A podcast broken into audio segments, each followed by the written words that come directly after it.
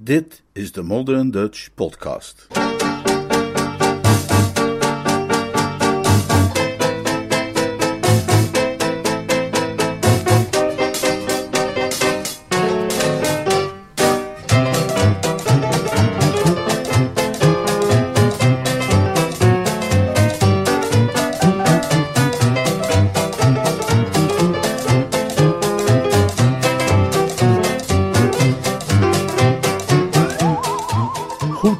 Jeeves. Door P.G. Woodhouse. De glanzend nieuwe Nederlandse versie van de roman Right Ho, Jeeves. Vertaald en voorgelezen door Leonard Beuger.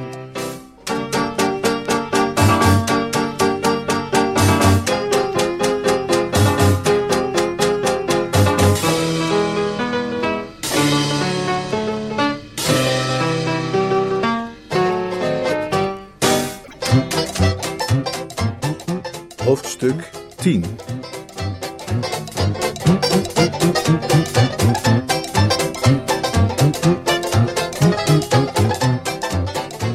Korte inhoud van het voorafgaande. Het verhaal speelt zich af op Brinkley Court, tante Dahlia's huis in Worcestershire.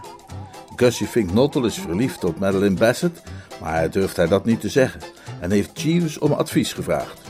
Het irriteert Bertie dat zijn vrienden Jeeves om raad vragen en niet hemzelf. Zelf vermoeit hij zich er nu mee en geeft Gussie de raad gebrek aan eetlust te fingeren om zo zijn liefde te tonen voor Madeline. Verder ziet Bertie kans de angstaanjagende taak om de jaarlijkse prijzen uit te reiken aan de leerlingen van het plaatselijk lyceum op Gussie af te schuiven.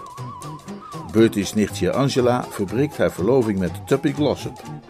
Bertie raadt ook Tuppy aan om niet te eten tijdens het diner, zodat Angela zal merken dat hij, die normaal een grote eter is, wegkwijnt om haar. Naast de verbroken verloving van Angela heeft tante Dalia nog een probleem. Ze heeft de 500 pond die ze van oom Tom heeft gekregen om haar tijdschrift Milady's Boudoir draaiende te kunnen houden, verloren in het casino in Cannes en ziet er tegenop oom Tom, die toch al erg op de penning is, opnieuw om dat bedrag te moeten vragen. Bertie adviseert ook haar te doen alsof ze haar eetlust heeft verloren uit haar zorgen om het blad, ten einde oom Toms aandacht en medelijden te wekken. Bovendien belooft hij Gussie een goed woordje voor hem te doen bij Madeline.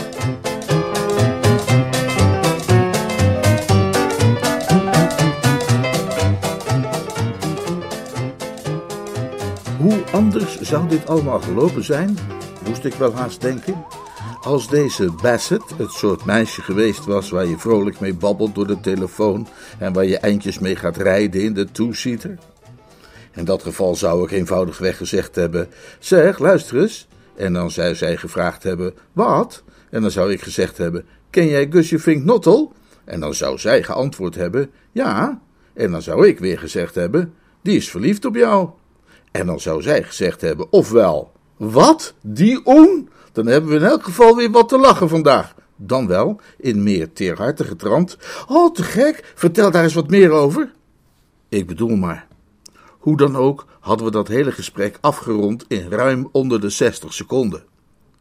Maar het was duidelijk dat bij haar van Bassett een en ander stuk minder kwiek en aanzienlijk stroperiger zou gaan verlopen. Dankzij die bliksemse zomertijd waren we al in de vrije natuur terechtgekomen, ruim voordat de schemering het voor gezien hield en een beetje plaats maakte voor de duistere schaduwen der nacht. Er gloeide nog een laatste vonkje zonsondergang. Er piepte wat sterren tevoorschijn. Hier en daar scheerde een vleermuis voorbij en de hele tuin was vervuld van de geur van die witte stinkbloemen die altijd pas goed aan de slag gaan als de dag eigenlijk net voorbij is. Kortom, het glinsterend landschap voor ons oog verdween en plechtige stilte hing volop in de lucht.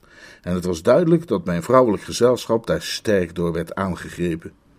Haar ogen werden eens zo groot en haar hele portret begon ongezond veel gelijkenis te vertonen met het ontwaken der zielen. Haar hele uitstraling was die van een meisje dat iets behoorlijk gepeperds van Bertram verwachtte. In dit soort omstandigheden wil mijn conversatie nogal eens blijven haken. Ik ben nooit op mijn best wanneer de situatie lijkt te vragen om sentimenteel gedoe. Ik weet van andere leden van de drones dat ze er ook vaak last van hebben. Pongo Twistleton heeft mij wel eens verteld dat hij een keer bij maanlicht met een meisje in een gondel zat en dat het enige dat hij de hele avond te vertellen wist die oude mop was over die kerel die zo goed kon watertrappelen dat ze een verkeersagent hadden gemaakt in Venetië. Die mop sloeg niet erg aan, moest hij concluderen, want even later zei dat meisje dat ze het een beetje koud begon te krijgen en dat het misschien een goed idee zou zijn om maar terug te varen naar het hotel. Dus, zoals ik zeg, de conversatie stokte nogal.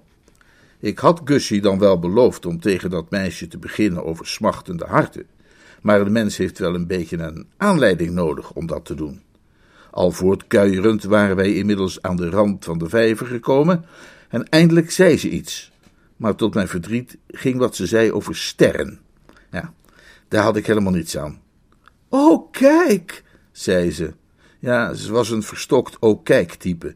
Dat was bij een kan al opgevallen, waar ze op die manier bij verschillende gelegenheden mijn aandacht had gevraagd voor zulke diverse objecten als een Franse actrice, een Provençaals benzinestation, de zon die onderging achter het Estirel-massief, Michael Arlen, een man die zonnebrillen verkocht, het diepfluwelen blauw van de Middellandse Zee en de ex-burgemeester van New York in een gestreept eendelig badpak.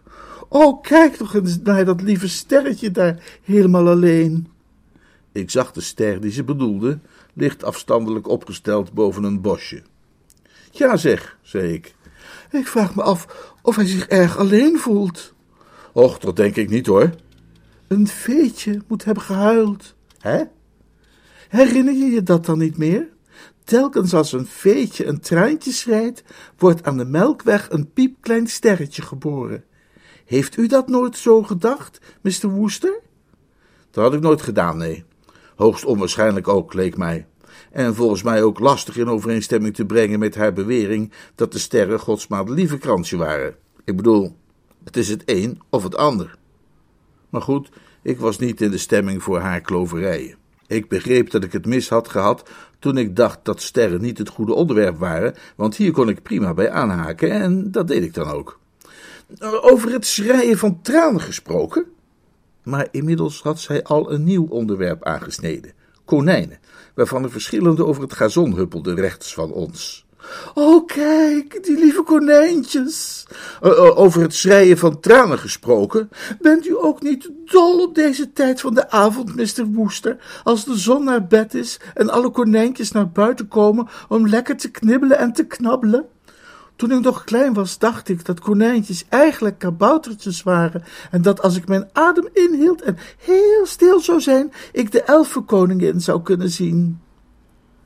Met een voorzichtig gebaar gaf ik aan dat dat precies het waanzinnige soort van gedachte was waar ik haar als kind inderdaad voor zou hebben aangezien en keerde ik terug tot het eigenlijke onderwerp. Over het uh, schreien van traan gesproken, zei ik volhardend. Misschien interesseert het je dat er hier op het Brinkley Court ook een hart is dat smacht. Dat deed haar iets. Het thema konijnen liet zij varen. Haar gezicht, dat gestraald had van volgens mij naïeve vervoering, bewolkte. Ze produceerde een zucht die klonk alsof de lucht uit een rubberen eendje geperst werd. Ach ja, het leven is droevig, vindt u ook niet? Voor sommige mensen ja. Dit smachtende hart bijvoorbeeld.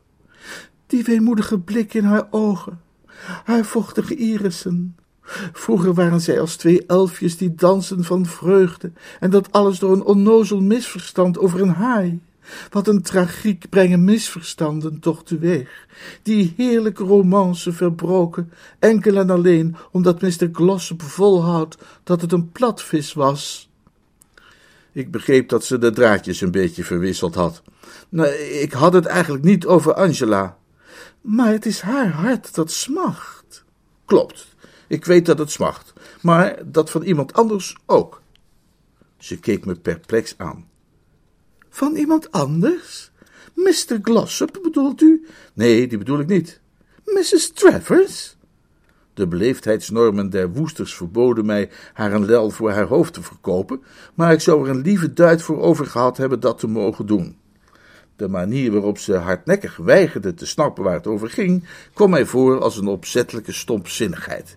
Nee, ook niet mijn tante Dalia. Maar zij is er vast heel erg van overstuur.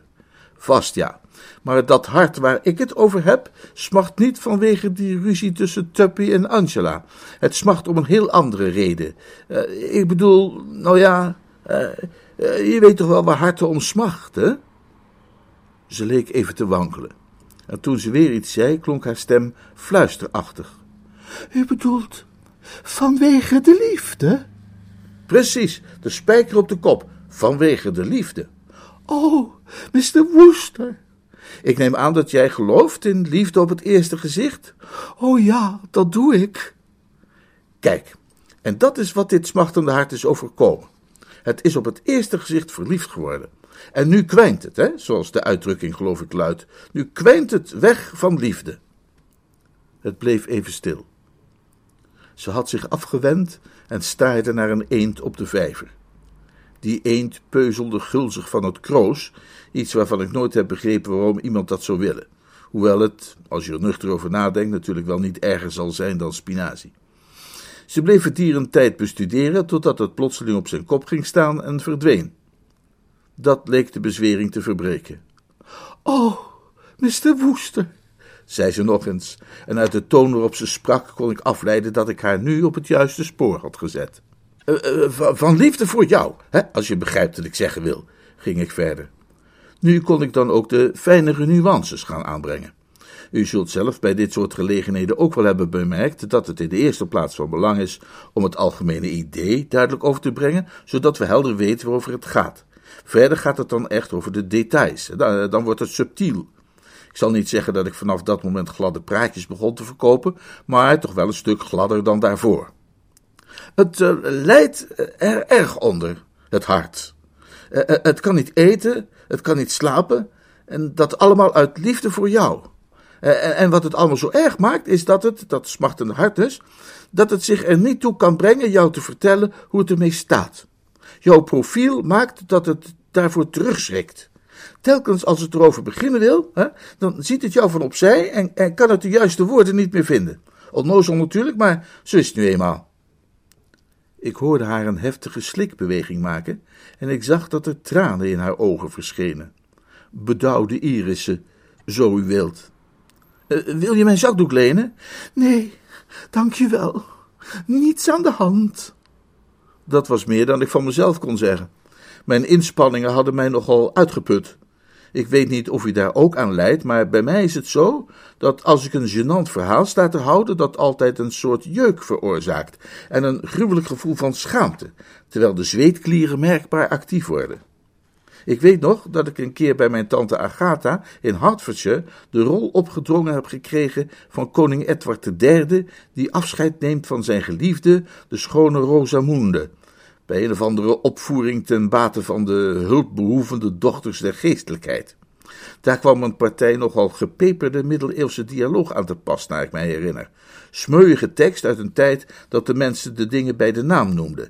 En tegen de tijd dat er afgefloten werd, was er volgens mij geen dochter der geestelijkheid die zo hulpbehovend was als ik. En geen droge draad meer aan mijn lijf. Mijn huidige reactie was vrijwel identiek. Het was een zo goed als vloeibare Bertram die zijn vis-à-vis wat hikkende geluiden hoorde maken alvorens zij sprak. Hij luisterde oplettend toe. Zeg maar alsjeblieft niets meer, Bertie. Was ik ook niet van plan. Ik begrijp het. Ik was blij het te horen. Ja, ik begrijp het.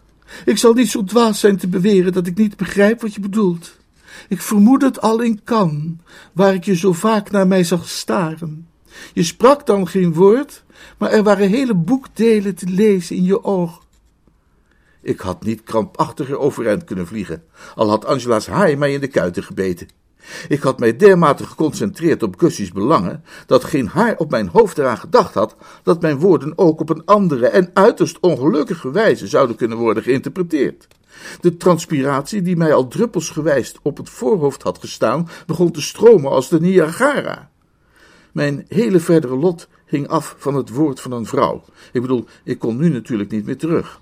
Als een meisje denkt dat een man haar ten huwelijk vraagt en zij hem op grond daarvan noteert, kan hij haar niet meer gaan uitleggen dat zij het volledig bij het verkeerde eind heeft en dat hij absoluut niet van plan was zoiets ook maar te suggereren.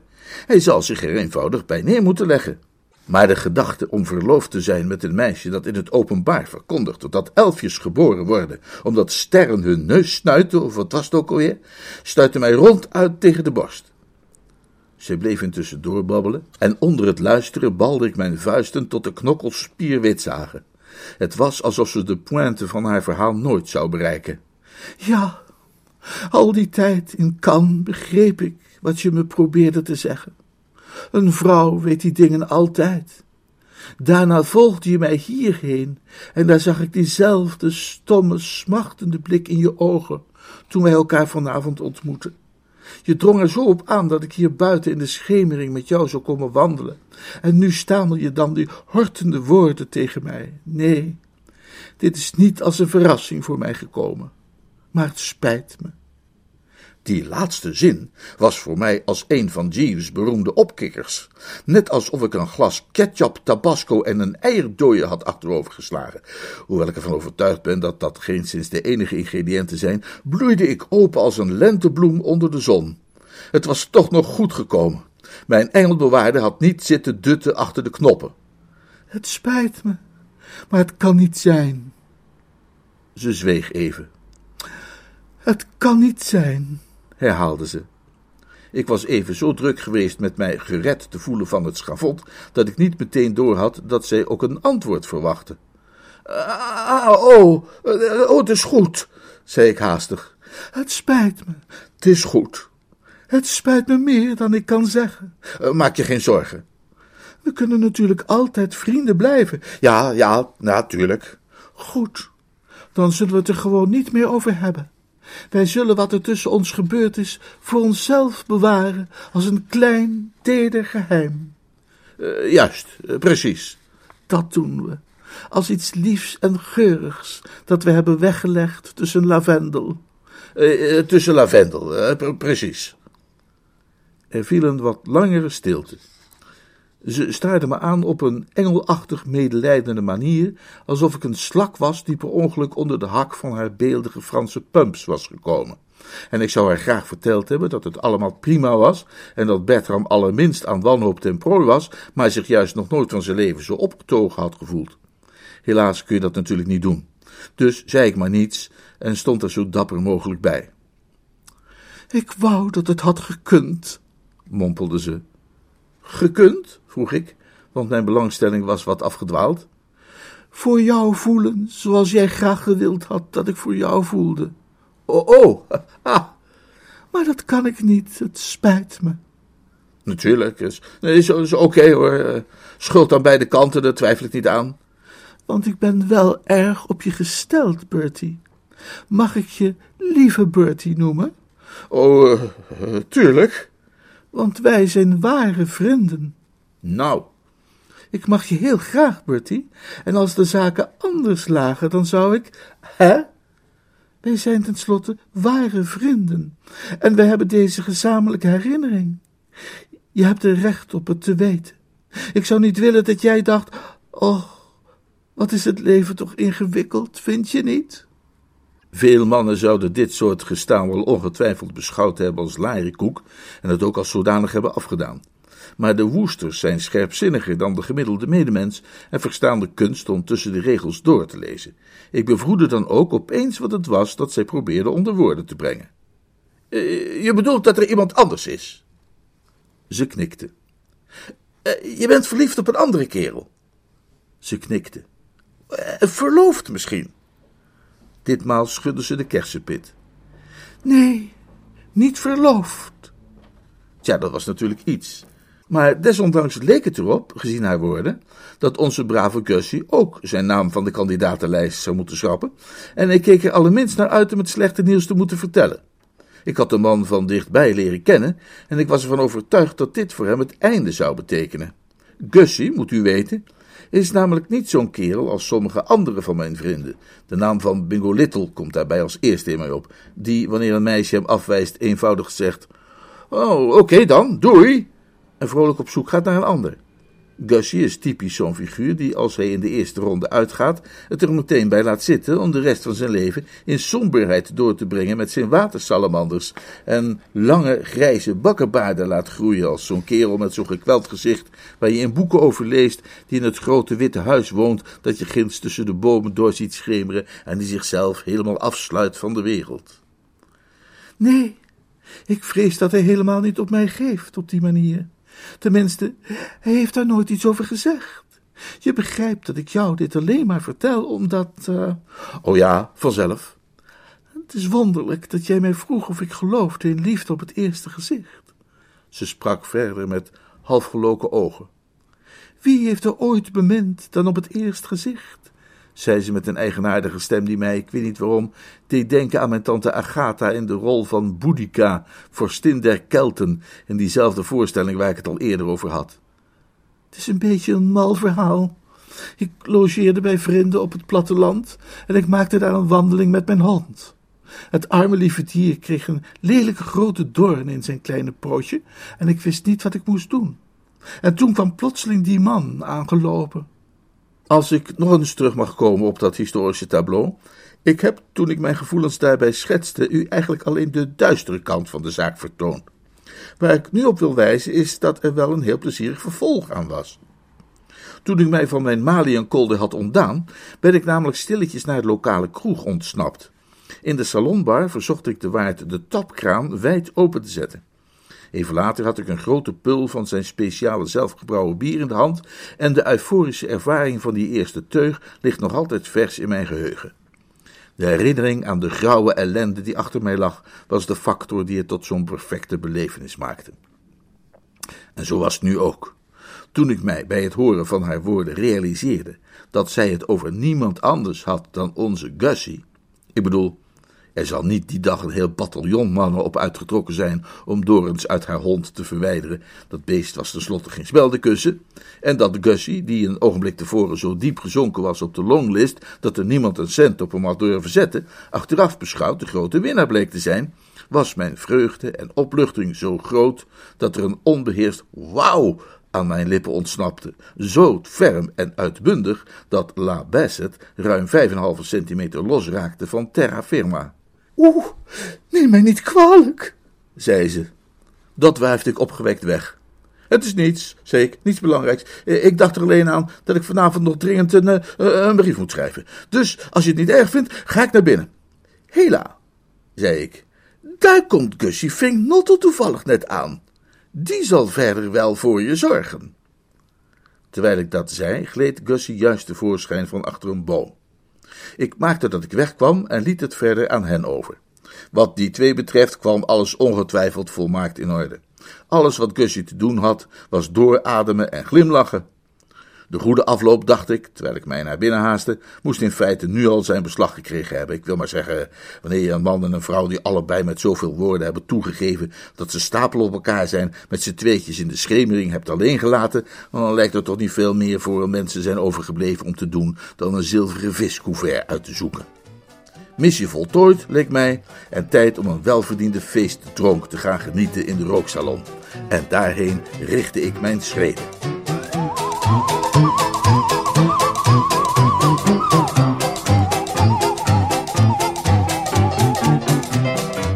Hoofdstuk 11a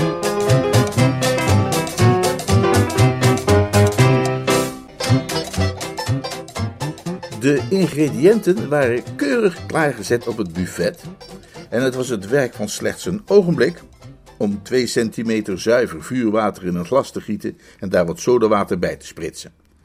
Daarmee trok ik mij terug in een leunstoel, de voeten op een bankje, en zorgeloos genietend nipte ik van het edele mengsel, precies zoals Caesar dat gedaan moet hebben in zijn tent op de dag dat hij de Nervius had verslagen. Ik peinsde nog wat na over wat er zich op dat eigenste moment afspeelde in die vredige tuin, en ik voelde mij gesterkt en opgelucht. Hoewel ik nooit een ogenblik ben afgeweken van mijn mening dat Augustus Fink-Nottel de absolute top is van wat de natuur te bieden heeft op het gebied van warrige zagenmeeldenkers, ben ik op de man gesteld. En ik wenste hem alle goeds en ik kon niet meer betrokken zijn bij het welslagen van zijn hofmakerij dan wanneer ik zelf en niet hij geïnfatueerd zou zijn dat hij inmiddels gemakkelijk de inleidende pourparlers achter de rug kon hebben en misschien zelfs al verregaand verwikkeld was in de informele planning van de huwelijksreis, was voor mij een uiterst plezierige gedachte. Gezien het soort meisje dat Madeleine Bassett was, met die sterren en die konijntjes en al dat soort dingen bedoel ik, zou men natuurlijk kunnen zeggen dat een sober medelijden meer gepast zou zijn geweest. Maar u moet zich realiseren dat in dat soort dingen smaken sterk verschillen. Een weldenkend man zou wellicht zorgen dat hij snel uit de buurt kwam, wanneer La Bassett naderde, maar om de een of andere reden sprak zij Gussie's diepere wezen aan, dus dat was dat. Toen ik op dit punt gekomen was, werd ik in mijn overpeinzingen gestoord doordat de deur openging. Er kwam iemand binnen die als een luipaard in de richting van het buffet sloop. Ik zette mijn voeten op de grond en constateerde dat het Tuppy Glossop was. Heel even bemerkte ik iets van schuldgevoel, ten gevolge van het feit dat ik door alle opwinding rond het geval Gussie deze andere cliënt een beetje was vergeten. Dat gaat vaak zo wanneer je probeert aan twee zaken tegelijk te werken. Nu ik Gussie evenwel van mijn lijstje kon strepen, stond ik klaar om mijn volle aandacht te wijden aan de affaire Glossop. Ik was bijzonder tevreden over de manier waarop hij de hem opgedragen taak vervuld had tijdens het diner. Geen makkelijke taak, kan ik u verzekeren, want spijs en drank waren werkelijk eerste klas geweest, en één gerecht in het bijzonder, en ik doel daarbij op de nonnette de poulet Agnès Sorel, had gemakkelijk ook de grootste vastberadenheid kunnen breken. Maar hij had volgehouden als een professioneel vaster, en ik was trots op hem. Oh, hallo Tuppy, zei ik, jou wilde ik net even spreken. Hij draaide zich om, borrel in de hand, en het was duidelijk te zien dat zijn ontberingen hem zwaar waren gevallen. Hij zag eruit als een wolf op de Russische steppen die zijn boer een hoog boom in heeft zien vluchten. Oh ja, zei hij op een nogal onaangename toon. Nou, hier ben ik dan. Vertel. Hoe bedoel je, vertel? Doe je verslag. Verslag waarvan? Heb je me dan niks te vertellen over Angela? Alleen dat het een mispunt is. Ik begon mij zorgen te maken. Uh, heeft ze zich nog niet troostend om je heen verzameld? Nee. Vreemd? Hoezo vreemd? Ze moet je gebrek aan eetlust toch hebben bemerkt. Hij schraapte diep en heftig de keel, alsof hij problemen had met zijn etherische keelamandelen. Gebrek aan eetlust? Ik voel mij zo leeg als de Grand Canyon. Wat moet Tuppy? Denk aan Gandhi. Wat heeft Gandhi hiermee te maken? Die heeft jarenlang geen fatsoenlijke maaltijd gegeten. Ik ook niet. Ik zou althans kunnen zweren van niet. Maak hem nou toch, zeg, met je Gandhi. Ik begreep dat het wellicht verstandig zou zijn het Gandhi-motief niet verder te benadrukken, en ik keerde terug naar ons uitgangspunt. Waarschijnlijk is ze op dit moment naar jou op zoek. Wie? Angela. Ja. Ze moet jouw enorme opoffering toch hebben bespeurd. Volgens mij heeft ze er helemaal niets van bemerkt, die oliebol. Ik denk dat het haar absoluut niet is opgevallen. Kom op, Tuppy, drong ik aan. Dat is een morbide gedachte, niet zo somber. Het moet haar toch minstens zijn opgevallen dat jij de nonnette de poulet Agnès Sorel aan je voorbij hebt laten gaan. Dat was een sensationeel voorbeeld van zelfopoffering, dat eruit sprong als een non op de kermis. En dan die Sepp alla Rossini. Een ruwe kreet ontsnapte aan zijn verwrongen lippen. Hou op, Bertie, hou op. Denk je soms dat ik van steen ben? Is het niet erg genoeg dat ik daar heb moeten zitten, terwijl de ene na de andere gang van een van Anatols meest uitgelezen maaltijden mijn neus voorbij ging, zonder dat jij mij dat allemaal nog eens invrijft? Ik kan daar niet tegen. Ik probeerde hem te troosten en moed in te spreken. Houd moed, Tuppy. Focus je op die koude rundvleespastei met niertjes in de provisiekast. Zoals de schrift zegt, des morgens is er gejuich. Des morgens, ja. Het is nu half tien s'avonds. Echt iets voor jou, om dan over die pastei te beginnen. Terwijl ik juist zo mijn best doe om er even niet aan te denken. Ik snapte wat hij bedoelde. Het ging nog uren duren voordat hij zijn tanden in die pastei kon zetten. Ik zweeg er verder over en geruime tijd zaten wij in stilte tegenover elkaar. Toen stond hij op en begon nerveus te ijsberen. Als een ijsbeer in de dierentuin dus, die de etensbel heeft horen luiden en hoopt dat de oppasser hem niet zal vergeten tijdens de algemene bedeling. Ik keek tactvol de andere kant uit, maar ik kon hem tegen stoelen horen schoppen en dergelijke. Het was duidelijk dat zijn ziel gefolterd werd en dat zijn bloeddruk sterk was opgelopen.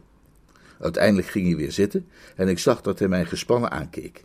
Er was iets in zijn houding dat mij deed veronderstellen dat hij iets met mij wilde delen. Ik vergiste mij daarin ook niet. Hij tikte mij veelbetekenend op de knie en zei: Bertie, hallo, zal ik jou eens wat vertellen? Graag, beste kerel, zei ik hartelijk. Ik begon net te denken dat deze scène wel wat meer dialoog kon gebruiken. Dat gedoe van Angela en mij. Ja, daar heb ik heel lang en stevig over nagedacht. Oh ja, ik heb de situatie scherp geanalyseerd. Eén ding is mij almachtig duidelijk geworden. Er wordt hier vuil spel gespeeld. Ik kan je niet helemaal volgen? Goed. Laat me de feiten nog eens met je nalopen. Totdat ze naar Cannes ging, was Angela verliefd op mij. Stapeldol. Ik was in alle opzichten haar prins op het witte paard. Mee eens? Ja, ontegenzeggelijk. En meteen toen ze terug was, hadden we ruzie. Eh, precies. Nergens over. Nou, nergens over. Hallo, je bent echt wel een beetje tactloos geweest, hoor, Tuppy, over die haai van haar. Ik ben helder en duidelijk geweest over die haai van haar. En dat is precies wat ik bedoel. Geloof jij serieus dat een onnozel meningsverschil over haaien genoeg kan zijn om, als ze hem werkelijk haar hart heeft geschonken, een man de bons te geven? Ja, natuurlijk wel. Het wilde bij mij niet in dat hij dat niet begreep. Maar ja, die brave Tuppy is inderdaad nooit erg gevoelig geweest voor subtiliteiten. Hij is een van die grote, ruwe, voetbalspelende types die het nu eenmaal aan een genuanceerd gevoelsleven ontbreekt, zoals ik het Jeeves wel eens heb horen uitdrukken. Uitermate geschikt om keiharde ballen te stoppen of over het gezicht van een tegenstander heen te walsen in schoenen met noppen, maar minder capabel waar het gaat om appreciatie en interpretatie van het ongedurig vrouwelijk temperament. Kwam eenvoudig niet bij hem op dat een vrouw eerder bereid zou kunnen zijn haar levensgeluk op het spel te zetten dan afstand te doen van haar haai. Geleuter. Dat was alleen maar een smoesje. Wat was alleen maar een smoesje? Dat haaienverhaal. Ze wilde van me af en greep de eerste de beste gelegenheid aan. Wel nee, wel nee, ik zeg je van wel. Maar waarom zou ze in hemelsnaam van jou af willen? Precies, daar heb ik me dus ook afgevraagd. Ik zal je antwoord geven omdat ze verliefd geworden is op iemand anders. Ja, dat is toch zo duidelijk als wat? Een andere mogelijkheid is er niet. Ze gaat kan, helemaal dol op mij, en ze komt terug en ze kan me niet meer lucht of zien. Het is duidelijk dat zich in die twee maanden heeft laten inpalmen door de een of andere smerige gluiper die ze daar heeft ontmoet. Wel nee, wel nee. Zeg toch niet de hele tijd wel nee, wel nee. Het moet gewoon zo gegaan zijn. Maar ik zal je één ding zeggen, dat meen ik serieus.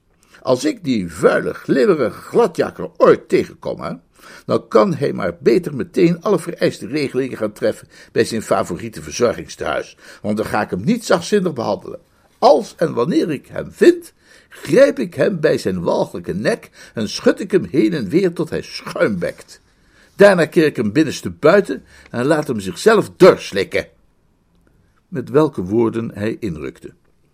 Ik wachtte een paar minuten tot hij flink uit de buurt was en begaf mij toen naar de salon. De neiging van vrouwen om zich na het diner in de salon te nestelen is wel bekend en daar verwachtte ik Angela dan ook te vinden. Ik wilde graag even een woordje spreken met Angela. Aan Tuppy's theorie dat een of ander uitgekookt heerschap haar hart gestolen zou hebben in Cannes hechtte ik, zoals boven al aangegeven, weinig waarde. Ik beschouwde die stelling als niet meer dan het verdwaasd gebazel van een bedroefd en gekwetst man. Was natuurlijk de haai geweest en niets anders dan de haai die Amors jeugdige droom tijdelijk van de kook had gebracht, en ik was ervan overtuigd dat een paar welgekozen woorden van een gewaardeerde neef een en ander wel weer in orde zouden kunnen brengen. Eerlijk gezegd acht ik het namelijk uitgesloten dat een meisje zo lief en zachtmoedig van aard als zij niet diep geschokt zou zijn door wat zij die avond tijdens het diner had gezien. Zelfs Seppings, tante Dalia's butler, een koude, ongevoelige man, had met opengevallen mond toegezien en praktisch gehuiverd toen Tuppy die nonnette de poulet Agnès Sorel van de hand had gewezen, terwijl de bediende die ernaast stond met de aardappelen en haar gestaard had met de blik van iemand die een geestverschijning ziet. Ik weigerde eenvoudig de mogelijkheid te overwegen dat een lief meisje als Angela de betekenis van dat al zou zijn ontgaan. Ik verwachtte haar dan ook stellig in de salon aan te treffen met ampel bloedend hart, volledig rijp voor een onmiddellijke verzoening. In de salon trof ik echter alleen tante Dalia aan. Het scheen mij nogal een nijdige blik die ze mij toewierp toen ik binnenkwam, maar daar ik zojuist ook Tuppy had zien lijden, schreef ik dat toe aan het feit dat zij, net als hij, slechts symbolisch aan het diner had deelgenomen. En je kunt niet verwachten dat een holle tante net zo stralend is als een volle tante. Oh, ben jij het? zei ze. Tja, dat was ik natuurlijk. Eh, waar is Angela? vroeg ik. Naar bed. Nu al? Ze zei dat ze hoofdpijn had. Hm. Ik weet niet zeker of ik dat wel zo leuk vond om te horen. Een meisje dat gezien heeft hoe de van haar vervreemde geliefde op sensationele wijze een gebrek aan eetlust vertoont, gaat niet met hoofdpijn naar bed als de liefde is weergekeerd in haar hart. Ze blijft juist in de buurt en werpt hem korte, berouwvolle blikken toe van onder halfgeloken oogleden. En probeert ook meer in het algemeen de boodschap over te brengen dat als hij voelt voor een ronde tafelgesprek en het zoeken naar een oplossing, zij daar zelf ook helemaal voor in is. Ja, ik moet zeggen dat ik dat hele naar bed gaan gedoe nogal verontrustend vond. Naar bed, hè? mompelde ik peinzend.